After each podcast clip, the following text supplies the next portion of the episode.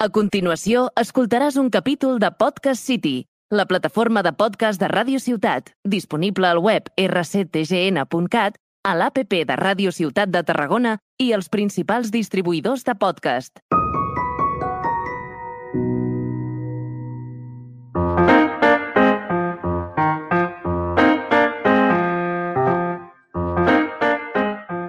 El podcast de Aspercam.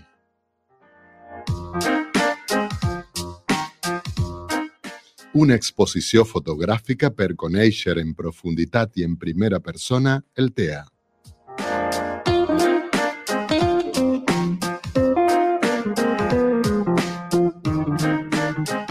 Benvinguts a un nou podcast d'Aspercam. Avui estarem parlant sobre un projecte desenvolupat per l'associació que es diu Reseteja. De què es tracta aquest projecte? Quina incidència ha tingut en la comunitat?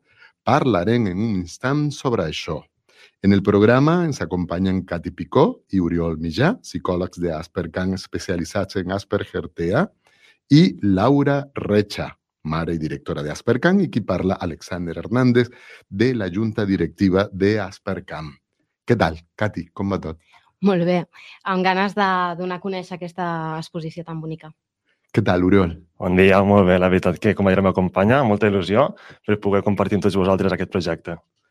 Què tal, Laura? Com et trobes? Pues molt bé, moltes gràcies. Bueno, primera pregunta. Reseteja. Laura, per què aquest títol? Què, en què consisteix aquest projecte? Bueno, quan l'equip terapèutic ens van traslladar la idea, ja ens van venir amb el títol. Llavors ens va encantar. De seguida vam dir, ostres, estem donant un doble missatge a la societat, no?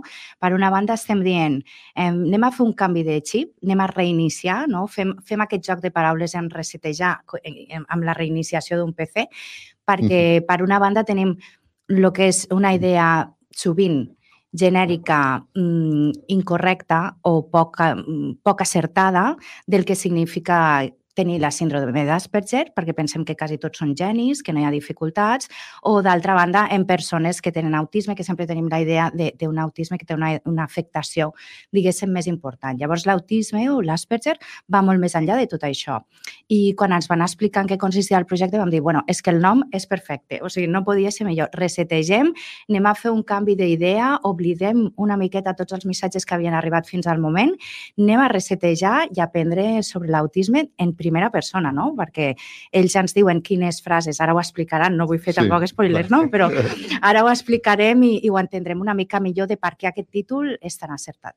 Oriol, com va néixer aquest projecte? bueno, aquest projecte, la veritat que sempre que s'aproxima el Dia Internacional i Mundial de l'Asperger, el dia 18 de febrer, nosaltres intentem fer, eh, pensar algun projecte per poder promoure l'expressió emocional, reivindicar, eh, divulgar, que també és un dels objectius de la nostra associació.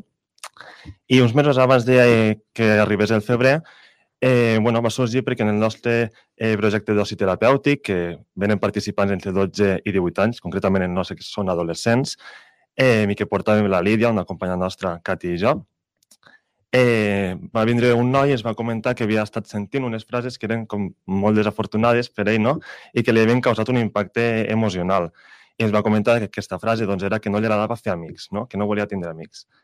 Eh, clar, evidentment aquesta frase no és correcta, és molt errònia i, és, bueno, com ha dit la meva eh, companya Laura també, eh, expressa que la societat no té idea no? de què és la síndrome d'Asperger ni el món del TEA en general, d'aquesta condició. Al final nosaltres vam estar parlant amb aquest noi i ens va donar la idea de que podríem doncs, utilitzar i recollir frases que els nostres nois senten habitualment cada dia a l'institut no?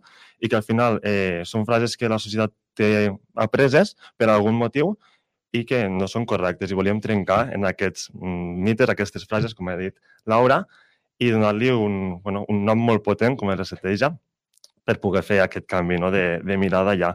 I doncs, a partir d'aquest moment eh, va començar de que nosaltres vam començar a preparar les frases, vam recollir-les a través de les mm, activitats que fèiem d'oci amb els nostres nois i principalment eh, aquest va ser el naixement del projecte. Després ja vam anar veient com anàvem conduint amb tota, amb tota l'associació i per poder fer que el missatge arribés a, a tothom, però sobretot per promoure i implicar també eh, en primera persona als nostres participants de, de l'oci terapèutic. Cati, com es va dur a terme, diguéssim, tota aquesta... Va partir d'una idea de... A vegades uno pensa que una frase no significa res, que te diuen alguna cosa, pues no, no passa res, però una frase pot ser molt potent no? per, per una persona quan l'arriba. Claro, eh, nosaltres moltes vegades en teràpia, en individual, ens trobem que aquestes frases estan super arraigades. Llavors, s'han de treballar moltíssim a partir de l'autoconeixement. També la desinformació al final eh, ens porta en aquestes frases, no? Eh, I una altra cosa que volia afegir, a part de, del que ha dit l'Oriol, és que van trobar molta facilitat en trobar frases. És molt dolorós, això. Que van sortir nostres... molt ràpidament. És que molt ràpid. O sigui, eren 30 frases eh, que van tardar una hora. Sí. No, no, no sé si va arribar. Vale? Llavors, això també és una cosa que crec que han de tenir molt en compte. Llavors, eh, a partir d'aquesta frase, no, eh, van dir, bueno, ja teníem pensat fer alguna cosa per al dia del síndrome d'Asperger, sempre ho fem, eh, més que res perquè és això, no? és un dels objectius eh, de l'associació. I, I vàrem pensar, vale, doncs anem a fer alguna cosa, però anem a que cridi, a que sigui reivindicativa, no? I sobretot que no només es quedi dins d'aquell esplai terapèutic.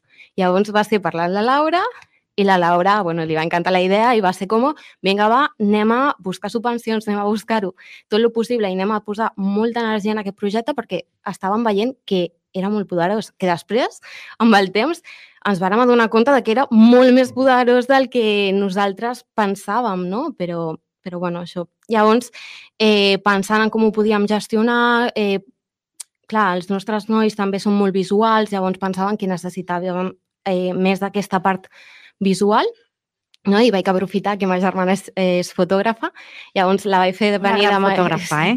La vaig fer venir de Mallorca des d'aquí. Com es diu la teva germana? Varinia Picó.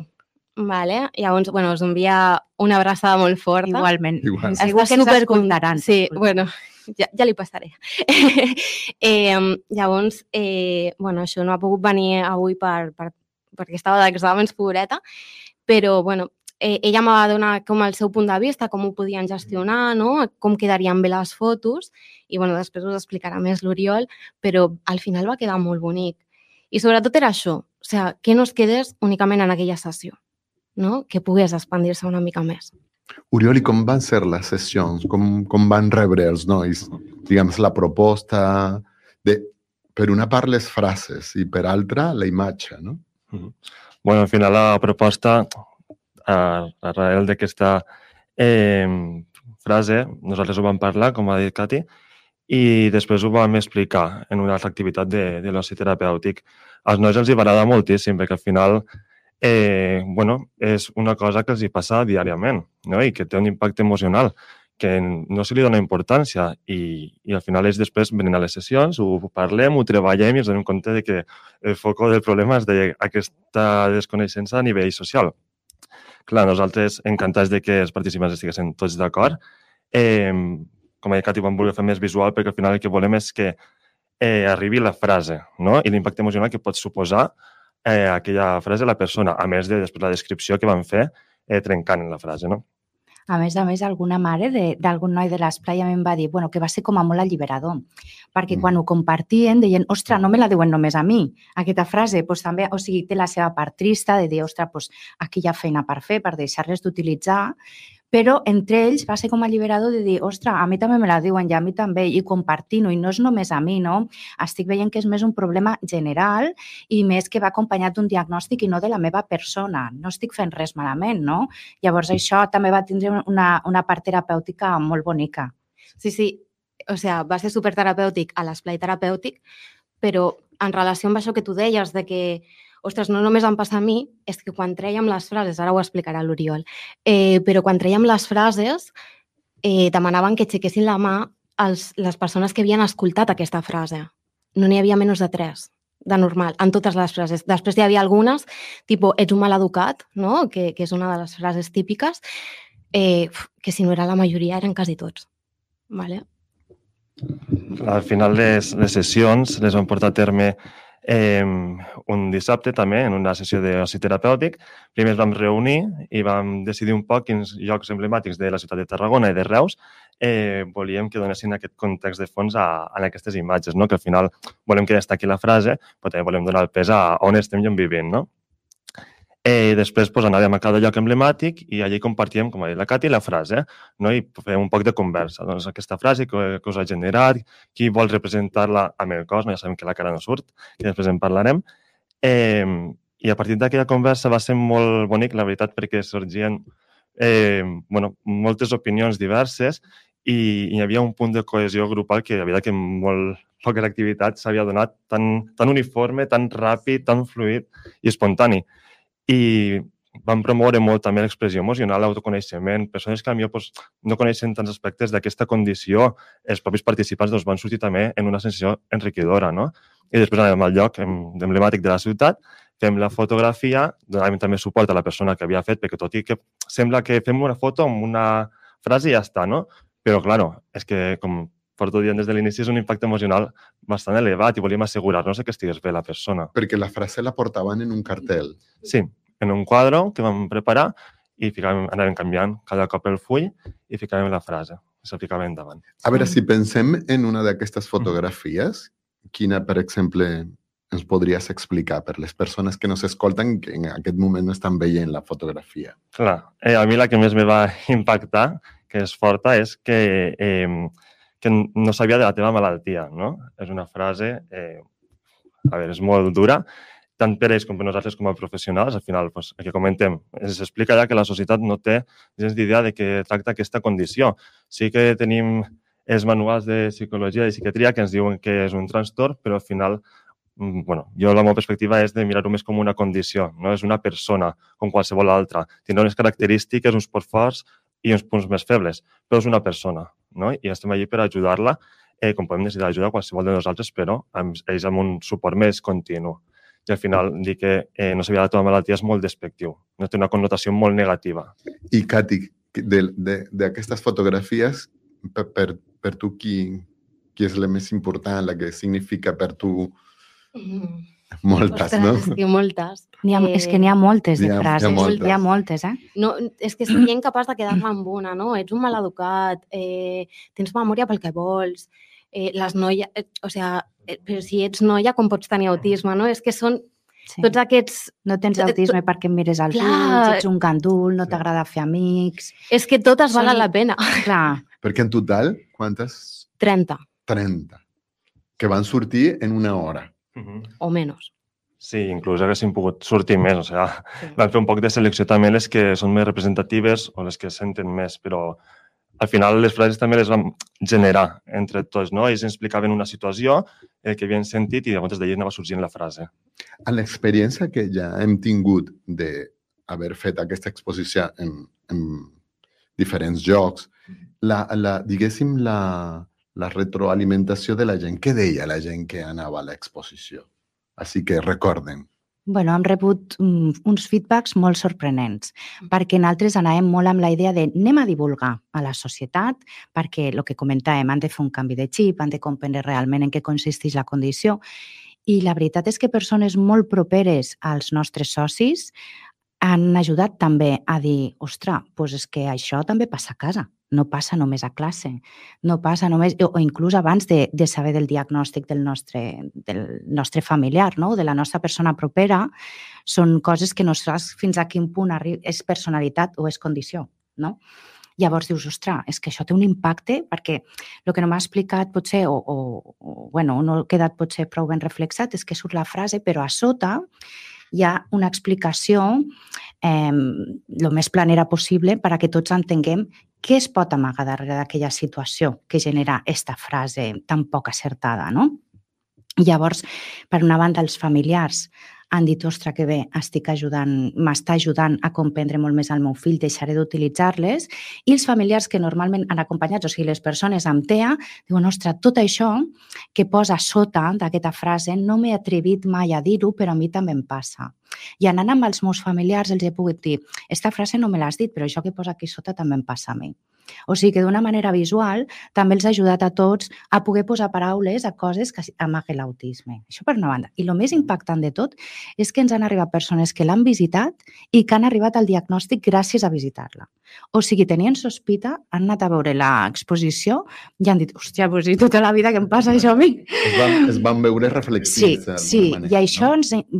Vamos, és que va haver una època sempre quan, quan tenim l'exposició posada en algun lloc, rebem una mitja de dos, tres missatges que diuen bendita exposició perquè m'ha donat respostes a la meva vida, estic en llista per diagnòstic, però estic seguríssim que això em passa a mi, que estic dins de l'espectre i per fin tinc resposta amb aquest neguit que porto tota la, tota la vida acompanyant-me. No? Llavors, clar, ha tingut un impacte terapèutic brutal. O sigui, el nostre era anem a divulgar realment en què consisteix la condició, anem a, a intentar evitar que se segueixin utilitzant aquestes frases, però és que ha tingut, és, és realment un material mm, que té contingut eh, pedagògic, no? pedagògic i, i terapèutic, sí. sobretot. És molt, molt potent que ha sortit del, dels propis nois, no? Uh -huh. Estem parlant nois de quina edat? D'entre 12 i 18 anys. Tenen. 12 i 18 Sí, jo volia afegir el que ha comentat sí, sí. la Laura, que al final ha tingut un impacte molt general a nivell de societat, no? Però també a, en sessions a nosaltres, la veritat que quan tenim que treballar amb la pròpia persona que és l'autisme, que és l'Asperger, eh, és un material molt bo per també aproximar-nos més a ells i durant les sessions que vam estar realitzant a nosaltres ens va ajudar molt a més aproximar-nos a la realitat que viuen. No? Ja com a professionals crec que va ser molt enriquidor per nosaltres perquè és diferent el que treballem a sessió del que vam poder veure en aquella sessió fotogràfica que vam mm, escoltar i que vam poder aprendre. Un, un tema que, que, que vist en l'exposició és que eh, no surt eh, no surten els caps dels, dels nois i de les noies, no? sinó que és el cos. Això per què? Bueno, per començar, vàrem fer una pregunta que era vol, voleu mostrar la cara, no? Clar. Que és com a molt bàsica, però que s'havia de fer. Llavors, no tots volien mostrar la seva cara, com és normal perquè existeix un gran estigma davant d'aquesta condició. No? Llavors, si posàvem la cara, eh, segurament haguessin estat senyalats aquelles persones eh, dient, ah, bueno, pues, jo què sé, algú de classe pues, podia dir, ostres, pues, si tu estàs en aquesta exposició significa que tens autisme. Llavors, desgraciadament, ens, eh, els hi tracten diferent. Llavors, també, per una part, volíem evitar això eh, el que és la confidencialitat, especialment. ¿vale? I després tampoc volíem donar com aquella importància a la persona que hi havia darrere. O sigui, era molt important que sapiguessin que hi havia algú darrere escoltant aquesta frase, però eh, no cal saber qui és, sinó que hi ha darrere una persona, un col·lectiu, que està rebent aquests inputs eh, des de fora. I a més a més és una representació genèrica. Jo recordo també quan, quan vaig veure les fotos, no, que ho vaig preguntar, i, i em vau dir de és que tenim por de les repercussions que pugui haver. I a part és una exposició que, bueno, porta dos anys voltant. Nosaltres pensàvem que només s'exposaria el dia del, de l'Asperger a l'abril, al febrer del 2022 i no pare de voltar i seguirà voltant i igual en un moment determinat pot ser que ells volguessin donar la cara, però l'exposició segueix i la seva vida també. I, I es troben en diferents moments de la seva vida i sempre té uns riscos aquesta exposició fins que la, la societat no estigui suficientment madura. I ja per acabar, aquesta exposició es pot veure? bueno, pues jo t'explico on s'ha vist fins ara, si vols, i t'explico on es veurà properament. Es va inaugurar, com acabem de, de comentar, al pati Jaume I per celebrar i commemorar el Dia Internacional de l'Asperger, perdó, és que com que som autistes i som Asperger, ens fem una mica d'embolic. Val, el 18 de febrer del Això, 2022, a sí, a Tarragona, l'Ajuntament, al pati Jaume I.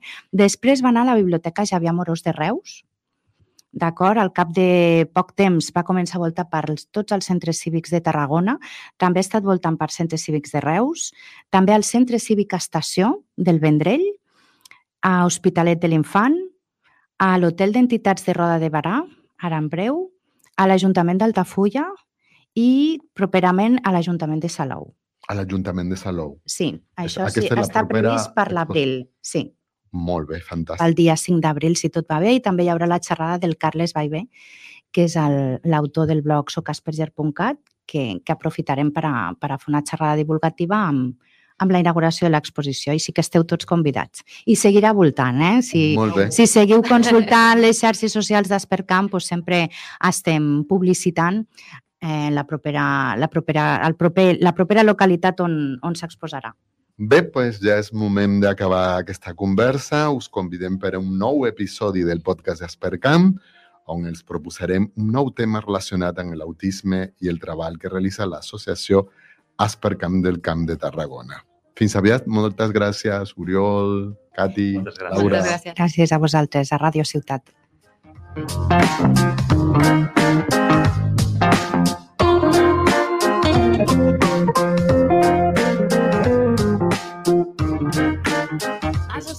un capítol de Podcast City, la plataforma de podcast de Ràdio Ciutat, disponible al web rctgn.cat, a l'APP de Ràdio Ciutat de Tarragona i els principals distribuïdors de podcast.